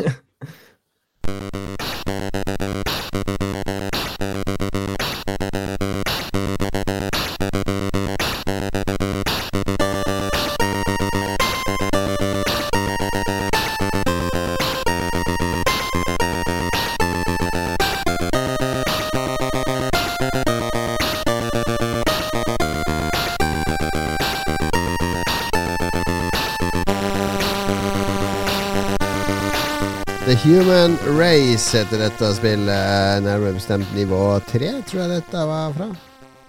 Eller nivå fire. Rob Howard. Det må vi finne ut av. Ja, for det var helt forskjellig musikk på hvert nivå, nemlig. Så Det er, det er veldig viktig at vi vet hvilket nivå det er. Men vi skal anbefale noe. Det er ukas eh, årets første anbefaling, rett og slett. Ja. Yeah, baby. To, baby. Skal jeg begynne? Jeg har en film. Jeg har en film jeg har sett med min kone. Så den nå i helga. Og jeg ble kjempeimponert, glad av den filmen. Det er en norsk film, den heter De uskyldige. Eh, kom i fjor, fikk noe sånn her eh, Var vel med i Cannes i sånn sideprogram. Handler om noen unger oppe på Romsås eh, som har overnaturlige krefter, rett og slett. Jeg skal ikke si noe mer. det er en eh, grøsser, thriller, med, med noen uh, overnaturlige elementer. Veldig, veldig bra. Og ikke sånn bra til å være norsk, men det er noe av det beste som barneskuespillet jeg har sett. Det er nesten ikke voksne med. Det er bare småunger. Snakk om å spoile i tittelen, da. De uskyldige? Blir de sikta for mord? Altså bare langs Jeg skal ikke si noe, men det er, det er en god norsk film. Det lages mye bra norsk film for tida. Eskil Vogt, som har laga den her, uh, ukjent uh, navn for meg. Og så er det Kadra Josef har en rolle, hvis dere husker hun. Eh, samfunnsdebattanten. Lisa Tønne har en rolle. Det er noen få voksne med som dukker opp. Men det er altså de barna som stjeler hele greia. Lisa Tønne. Tenkte jeg bare på Ok. Ja vel. Se den gjerne. Ser den gjerne. Du må jo se filmer som kjæresten òg vil se. Ja, ja, se De uskyldige. God, god norsk film. Og så støtter du disse norske filmskaperne som sliter med korona, og, og du får ikke penger fra kinovisninger og så videre. Støtt de. Kjøp den på iTunes i dag. Jippidu, jippidu. Ok, hvem er neste? Jeg har sett uh, TV-serie på uh, Også i jula, nå yeah. nytt, nyttår. Det er en uh, ny TV-serie som går på HBO Max, som heter Station 11. Stasjon 11, folkens. Mm. Veldig sånn det, Kort oppsummert, det handler om Shakespeare og tegneserier, og veldig Masse folk som sliter. De bare sliter mentalt, sånn skikkelig heftig. så det er ingen som har det bra i, i den TV-serien her. Alle har et eller annet de, de bærer på Yeah. rundt omkring. Altså, Eh, episode tre uh, i går. Veldig bra Ja. episode. Mm. Nei, det er liksom, eh, hva man kan si, eh, det kommer et influensavirus som er veldig dødelig, og så går ting litt skeis, og så uh, Det er ikke sånn korona. Det er sånn alle dør veldig fort. Ja, det er sånn superinfluensa. Det er sånn én av tusen uh, overlever, liksom. Eh, og så eh, hopper serien litt frem og tilbake mellom de første dagene etter det virkelig begynte å spre seg, og 20 år etter eh, den hendelsen, da. Så handler det om Ja, det handler om, det handler om Shakespeare, og det handler om ei tegneseriebok, og folkene som er knytta til de her to tingene, uten å røpe for mye. Ja. Men det er veldig kunstnerisk og pretensiøst, men på en bra måte. Ja, jeg, jeg tror noen kommer til å bli litt sånn irritert over hvor uh, Det kan være litt sånn her vel uh, til tider. Jeg ser det har fått litt sånn blanda kritikk, men jeg, den traff veldig godt hos meg. Jeg, jeg likte Jeg liker skuespillerne, og, eh, og Mm. jeg syns de er veldig flinke. Jeg leste jo boka for flere år siden. Dere har ikke lest den? Og Emily. St. John. Mandel. Ja. Jeg husker ingenting av den, så det er veldig fint å se serien uten å huske på den. Nei, jeg husker boka godt, så eh, ja det er Mulig jeg skal se serien. Det er Ja, vanskelig det er når jeg alt- likte boka godt, så har jeg ikke så lyst til å se serier ofte. Ja. Ja. Nei, jeg føler hvis, hvis jeg hadde lest boka, så spørs det om jeg hadde sett den. Men jeg har ikke lest boka, så Men jeg Jeg- det, det Ja, du må jo lese boka, fordi de, de hopper så mye i tid. Og de hopper så mye mellom eh, personer. Det er ingen sånn én hovedperson. Det er bare Det masse gjør de i boka points of view. men det henger på grep. Ja, det henger jo sammen. Altså, de fleste personene har jo en connection til hverandre. Som, det er eller det liksom- blir jo, det blir jo eh, vist litt mer av det etter hvert, da. Men det, det, ting eh, liksom Ting unfolder.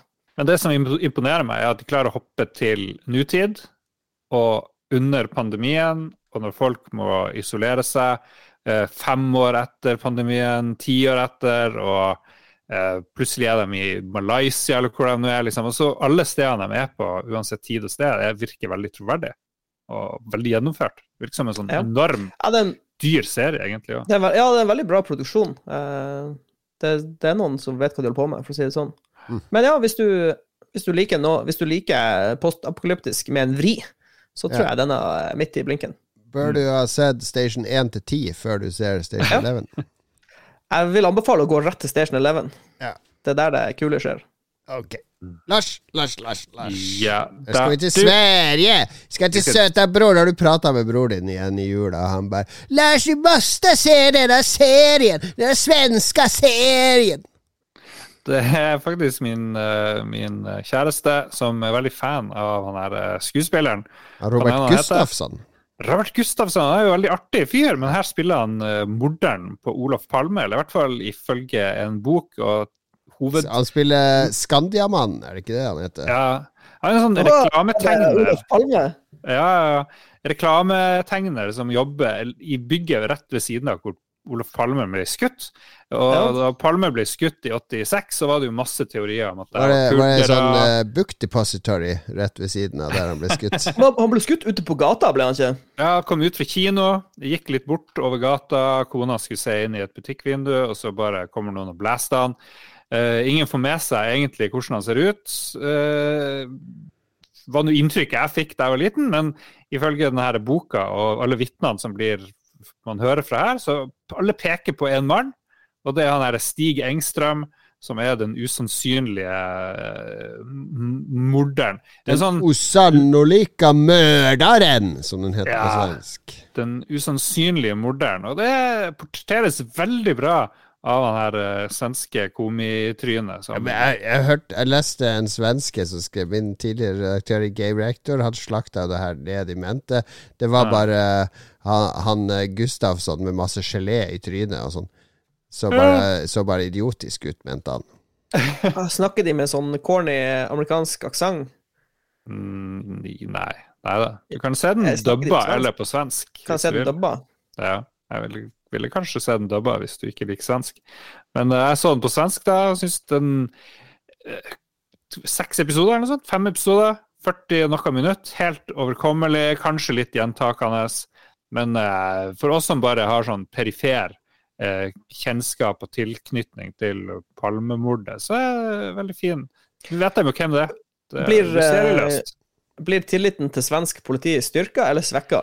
Oh, tilliten blir tynn! Alle Altså, TV-serier med har, politi. ha, ok, Da er mitt oppfølgingsspørsmål Kan vi finne ut om det svenske politiet har gjort noe bra siden 1980 til i dag? For det føles som de har bare skivebom på alt de har prøvd å finne ut av, egentlig. Ja, De setter jo en fyr som aldri har etterforska et mord før, til å lede etterforskninga. Det er jo første ja, minus, for eksempel. Hva er det de holder på med? Nei, jeg vet ikke. Det er Det er Svensk, svensk politi, vet du. Ja. Det er jo en levende svenskvits. Nei, men det er bra anbefalinger, folkens. For det er jo eh, det er ikke lockdown, men det er mye som er stengt i Norge nå. Alle har brukt opp pengene på julegaver, så da kan man sitte inne og kose seg med Den osannolika mørderen. Eller uh, De uskyldige, norsk film, som også du kan leie eller kjøpe. Eller, hvis du har HBO Max, eh, theater fiction-serien. Fordi hun, Emily, som har skrevet boka, insisterer på at det er ikke sci-fi, det er theater fiction. Uh, theater fiction-serien Station Eleven. Uh, kos dere, folkens.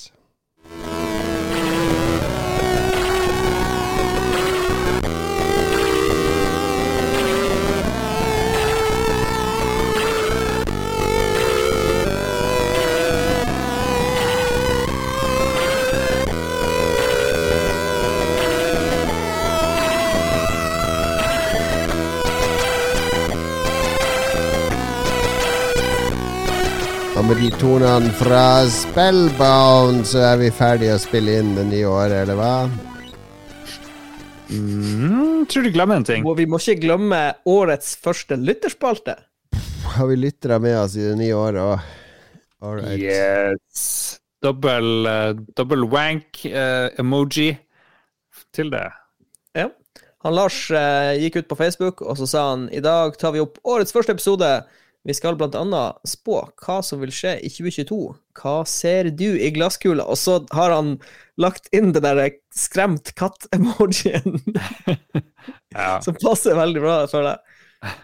What's gonna happen now? Og først ut er jo sønnen til uh, George han, Harrison. George Harrison, faktisk. Mm. Han, Stian Harrison, og han tror at Starfield blir nok en flipp, skriver han. Kanskje en flopp. Ja, I hvert fall en flipp. Det, det er Oddsen er 1000 til 1 på at Starfield kommer ut i 2022. Ja, det skal, komme, det skal komme 11. november. Jeg tviler sterkt på at det kommer ut 11. Ja, ja, november. ja, ja, ja. Det skjer Mm. ikke. Skjer ikke. Ja. Men det, er Roger eh, Grafsrønningen spår NFT, NFT og mer NFT, som alle blir fiasko. Jeg tror også dessverre at vi kommer til å høre dette ordet Kan ikke vi, mye. hvis det er noen lyttere som er sånn NFT-entusiast, kan ikke dere ta kontakt med meg eller Lars? Vi vil gjerne ha dere som gjest.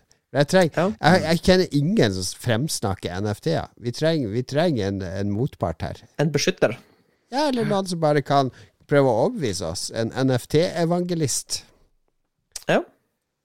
Det er bra. David Møller Eliassen spår at han Lars må kjøpe seg en ny TV fordi den du har nå, blir litt liten. They know me so well.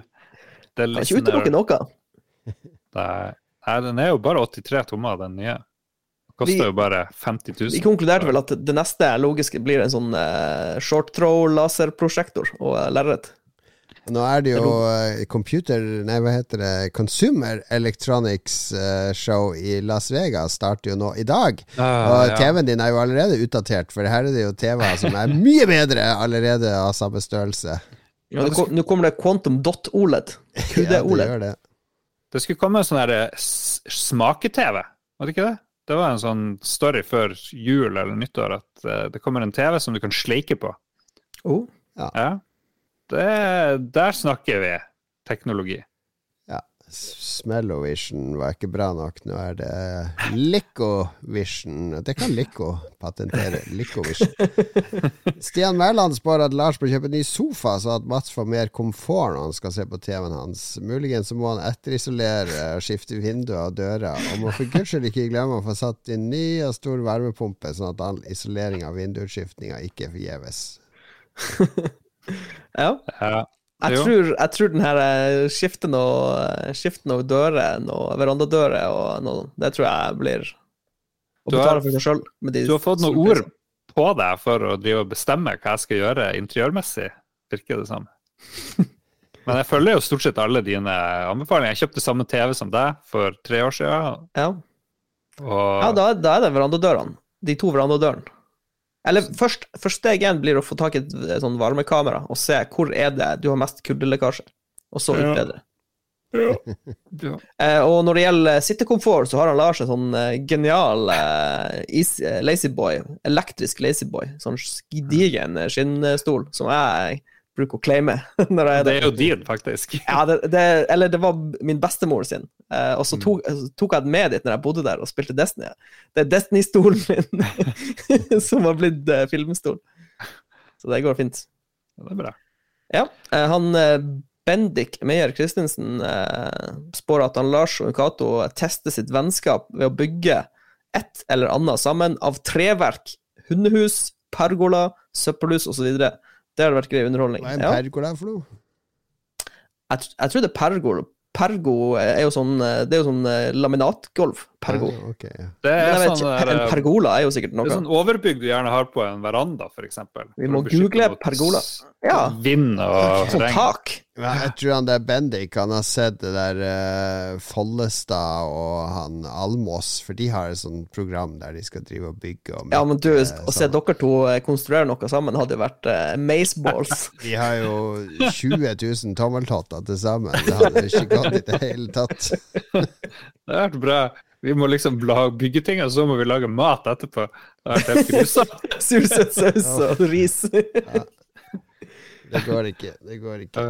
Trond Sinfør, uh, mask on, mask off. That is the question.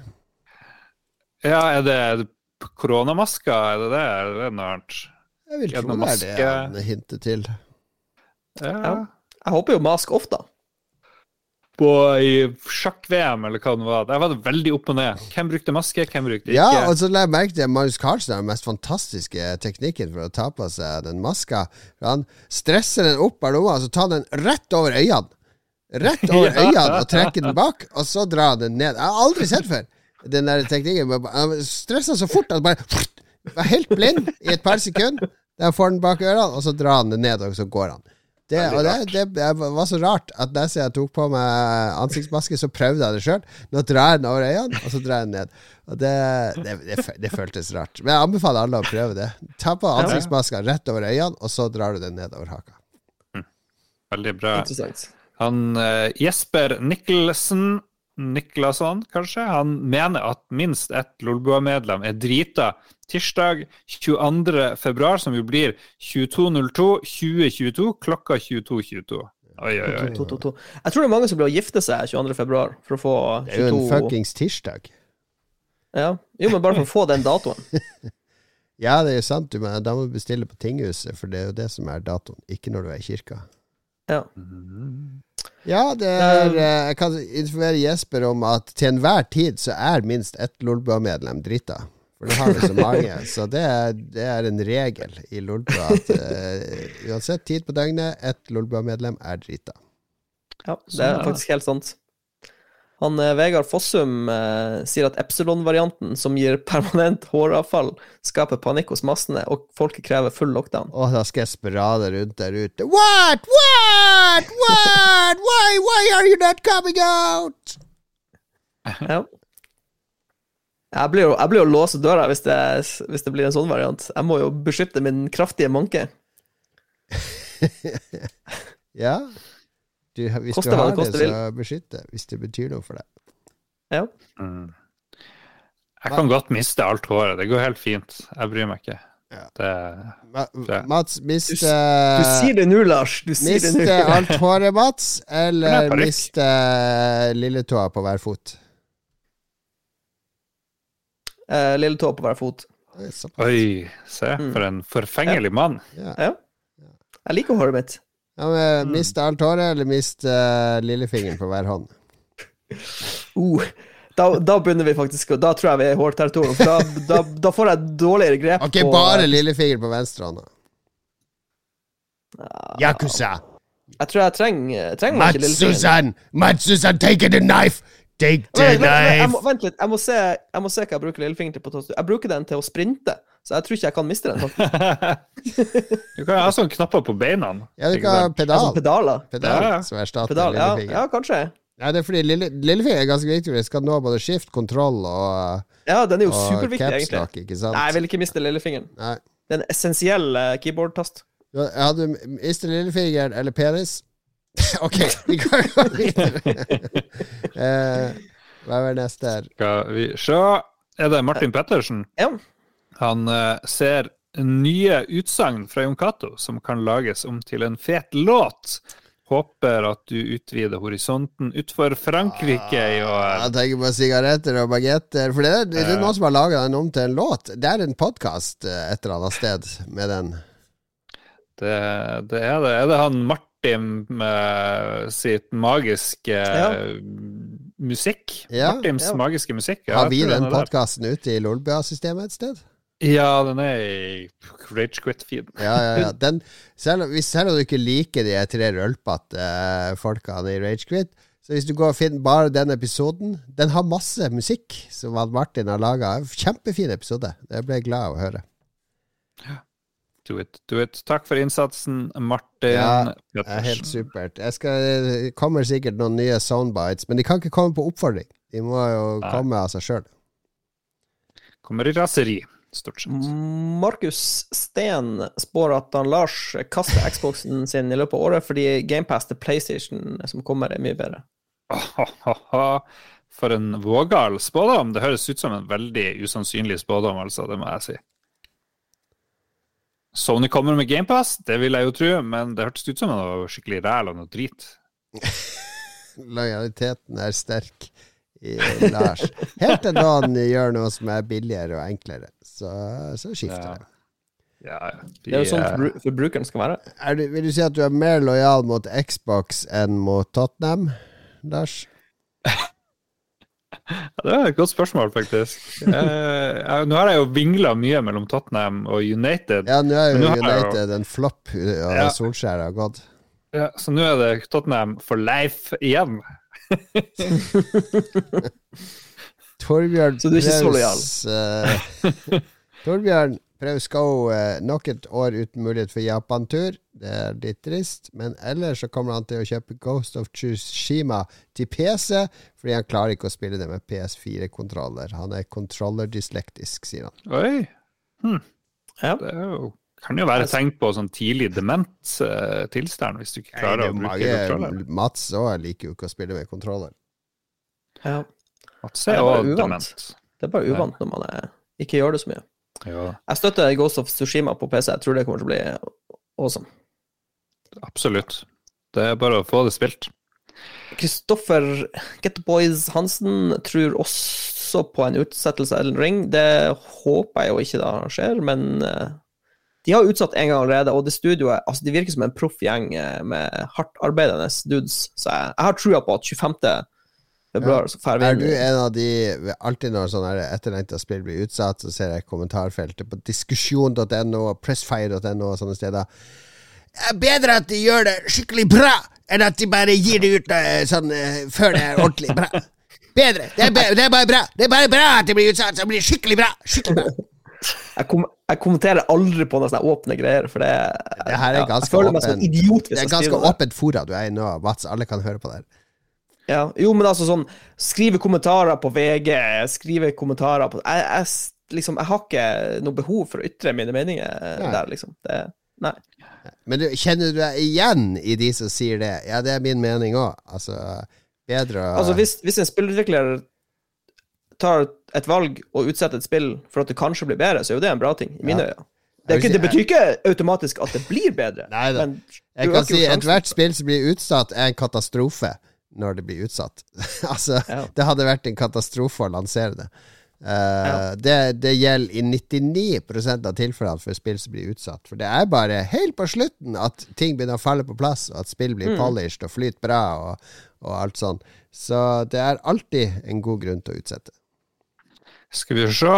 Sønnen til Siri Kalvik, sier eh, det han Markus Storm Dalsegg. Han sier vi ser en slutt på pandemien. herregud, så søkt! Bare fordi hun jobber i Storm. Hun starta det, hun var jo gründer. Men uansett, ikke ødelegg min vits. Ja. Vi ser en slutt på pandemien, og jeg har rønna alle spill. Eh, wow. Eh, det er verdt å rønne Couch Coop på Switch. Og han vurderer sterkt å kjøpe seg en Xbox. Så Det må du gjøre. Nå er det jo Xboxer i butikken. Det er jo spådommen hans, for guds skyld. Han spår jo at han har Ja, ja, ja. runda alle spill, ferdig med. Switchen, og så kan han gå over til Xbox. Jeg skjønte det etter hvert. Jeg gjorde det. Men uh, ja. Håper du har det bra, hadde en bra jul med Siri. Slu- sist vi drev og harselerte med at noen var sønnen til en TV 2-kjendis, så skremte vi han bort fra podkasten. Ja, det var fordi han var sønn til TV 2-kjendis. Ja, så kanskje han Markus her er sønnen sønn til Siri Kalvik. Det er ikke noe galt med det. Det er ikke noe galt. Ja, men kanskje han ikke liker å være kjent som sønnen til Siri Kalvik. Det kan godt hende. Skulle han ikke kalt seg det der eh, smånazistiske navnet? Han, Nå, nå må eh, du slutte. Unnskyld, Markus. Christian eh, Figenschou Sorgendal eh, spår at vi får mye NFT i spill, eller generelt. Eh, hvorfor eller hvorfor ikke? Kjør debatt. Eh, jeg tror vi får det fordi det, det, det hype Altså, det er det er i gang, på en måte. Folk, folk ser muligheten for å tjene penger, dessverre, og da kjører de på med det.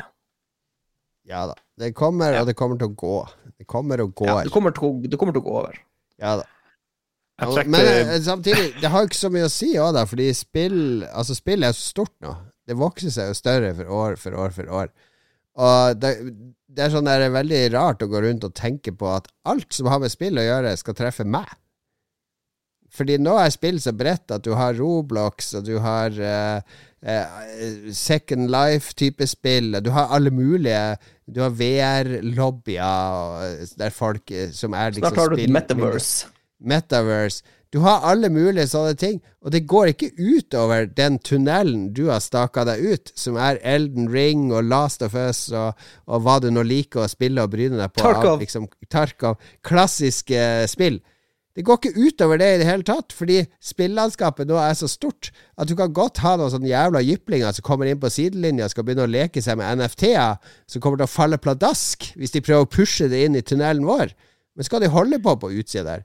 Er det Ja, altså, det, kom, det kommer ikke til å påvirke spillene jeg spiller, men det kommer til å påvirke nyhetsbildet og subreddits og jeg, jeg kommer til å bli lei av å lese om det. Vet du hvor mange det. folk som eier en sånn NFT i hele verden? Sikkert forsvinnende lite antall mennesker. Ja, det er 400 000. Og ut av de så tror jeg det er 40 000 som eier nesten alle. Så det, Ja. det, er så bitte, det, det er så lite at det er ingenting! Det har ingenting å si! Det, altså, det er ingen som er interessert i det her i det hele tatt, så jeg skjønner ikke hvorfor alle kaster seg over det. Det er absurd. Men det er jo akkurat som bitcoin. Hvis noen først begynner å tro at det er noe penger å gi deg, så kommer alle til å ville kjøpe det fordi de er redd for å miss, miss out. som et eh, pyramidespill. Det er et pyramidespill. Hele opplegget er jo som et pyramidespill. Kjøp det inn når det er billig, så kan du selge det til noen andre dyrt. Det er jo det de Mm. tror. Men det, det er jo ikke en full syklus i det. Det er en pyramide, ikke sant. Men ja, Bjørn Bjelland eh, Men at Lars begynner å snuse igjen, ja, det gjør du vel. Du snuser jo sånn fake-snus. Jeg gjør det. Snus uten tobakk og nikotin. Jesse havner i fengsel igjen. Hei! Mats blir sammen med ei dame litt lik Tanja Laila. Hvem er det? Hvem er det? Jeg tror det er hun i den der uh, førstegangstjenesten. Jeg tror det er Tanja oh, Laila. ja! Oh, oh. Fantastisk. Tanja Hvor er Laila. hun, Tanja Leila? Send meg nummeret. Det er vi inne på noe her, Bjørn. Å, Philip sluttet å spille dataspill da det viser seg å være litt vanskelig. Endelig får Philip gjennomgå oh. fordi uh, hans patetiske fremtoning på Game of the Year-episoden vår, der uh, alt var for vanskelig og ditten og datten det, det, Han gjorde en dårlig figur der som gamer, altså. Det er bare bra med vanskelige spill. ja. jeg ble så full, jeg husker ingenting ut av eh, episoden. All right. Han, eh, Stian Skjerven eh, tror at covid muterer, og det begynner å ligne mer og mer på zombieapokalypse. Jon Cato radikaliseres ytterligere, ytterligere. og sammen med resten av MDG går de sammen i insekt-lignende Serafites i Last of Us 2, eller Seraphites. Uh, ja, du er tydeligvis eh, på, på vei til å bli radikalisert, Jon Cato. Hva syns du om det her? Jeg er litt Altså, jeg kunne godt vært med i en sekt, men det må være som sektleder, da. Altså, Ja. jeg har ikke lyst til å være noe under det i sekt. Tenk hvor jævlig kult det må være å være sektleder. Ja, ja, ja. Masse folk som tilber meg. Det er veldig kult Som en kult. levende gud. Lordboa er jo kanskje starten på det, da. Men hvis du skulle blitt med i en sekt, hadde du blitt med i en sånn eh, miljø... Sånn litt sånn militarisert eh, miljøvern? At du driver og flyr rundt og sprenger Jeg hadde ikke orka sånn pasifistgreier og sånn Hare Krishna og sånn der tull. Du hadde gått litt sånn full force? Ja, det må være litt uh, kraft i budskapet. Ja. Få putte en Uzi i hver hånd, og da er du klar. Ja. ja. Jeg liker det. Gi meg en MP5 eller en uh, MPX eller en UMP eller Her er gutten som har spilt Tarkov! Skal vi se. Vår venn og eh, vinmonopolist Øystein Reinertsen spår at det blir gjort forsøk på nye faste spalter som skifter fra sending til Jeg sending. aner ikke hva han prater om. Hva er det for noe? Er Er det er det her sendt til? Red Crew, eller er det til Lolbua? Ja, gud vet. Muligens blir det et forsøk på en temapodkast eller fem. Trolig kommer det ut to-tre nye podkaster under Lolbua-paraplyen. Her er kanskje den mest eh, treffsikre spådommen. Spot on! Spot on. Øystein kjenner oss for godt. For godt. Mm. Ja. Til slutt, Alexander Erlingsen som sier at Starfield kommer til å bli et uh, buggy mess. Og uansett om det blir utsatt eller ikke, det tror jeg han får rett i, rett og slett. Ja. Ja. Jeg må bare beklager til alle jeg har uh, rakka ned på pga. navnet deres. Eh, send en dyp beklagelse, blant Ja, annet ja, ja. til Siri Kalvik. Altså hadde du likt det hvis, hvis du sendte inn til sånne greier og hver gang så Å, det er Lars Rikard Olsen Å, det er sønnen Egon i Olsenmann Har du sittet og ledd sånn hver gang? Du hadde jo ikke gidda det over tid. Jeg syns det var morsomt, det. Ok, det er om det. Hvem skal vi takke i dag, Lars? ja, apropos folk med rare navn, skal vi se. det er jo TTM-eksempel. Oh yeah. Rarere navn får du ikke. Står for Triple T, Master Exploder, Master Penis. Og så har vi Kobrakar84, også kjent som Kenneth. Duke Jarlsberg, Anne Beth, eh, beste kvinnelige produsenten vi har. Stian Skjerven, Skjønt59, Gøran Helge Nilsen og Krall Nord. Ja. I motsetning til Krall Sør. Ja. Jeg Ja. ser uh, kjæresten til Mats og Tanja Laila. Hun heter jo Tanja Laila Gaup er navnet. på Oi. Og prater vel nordlending òg. Er det her harselering med, med samer, rett og slett? Lars? Nå må se førstegangstjenesten. Eh, vill harselering, men eh, jeg har ikke sett noen samer som reagerer negativt på det, så jeg tror de syns det er helt ok. Det er bra. Da takker vi for oss. Takk for at du er med oss inn i det nye året. Vi er eh, Vi ligger ikke på latsida. Det blir eh, Vi lå på latsida i jula, for jeg lova en Sidbua i romjula. Researchen er gjort, musikken er funnet. Og så har jeg lyst til at jeg skal spille inn live som et radioprogram. Streame det på Twitch, så at uh, folk kan sende inn sånne der, uh, kommentarer og spørsmål underveis. Det tror jeg blir et artig eksperiment, så det skal prøve å få det til i løpet av januar. Sats på mer lockdown, så blir det mer Sidbua. Spre, spre korona videre, så at samfunnet ikke åpner, for da sitter jeg hjemme og kjeder meg og kommer til å lage Sidbua. Hva skal dere gjøre fram til neste uke, karer? Skal kanskje en tur til Kautokeino i helga på søndag. Vi får se. Ja. Det blir gøy. Uh, så jeg vil gjerne på kino. Skal vi dra på kino, Mats? Ja, la oss dra på kino. Ja. Ja. Let's do it. Gjør det. Vi ses, uh, høres neste uke. Da vil Mats og Lars fortelle hva de har sett på kino. Ha det bra inntil da. Ha det. Bæ.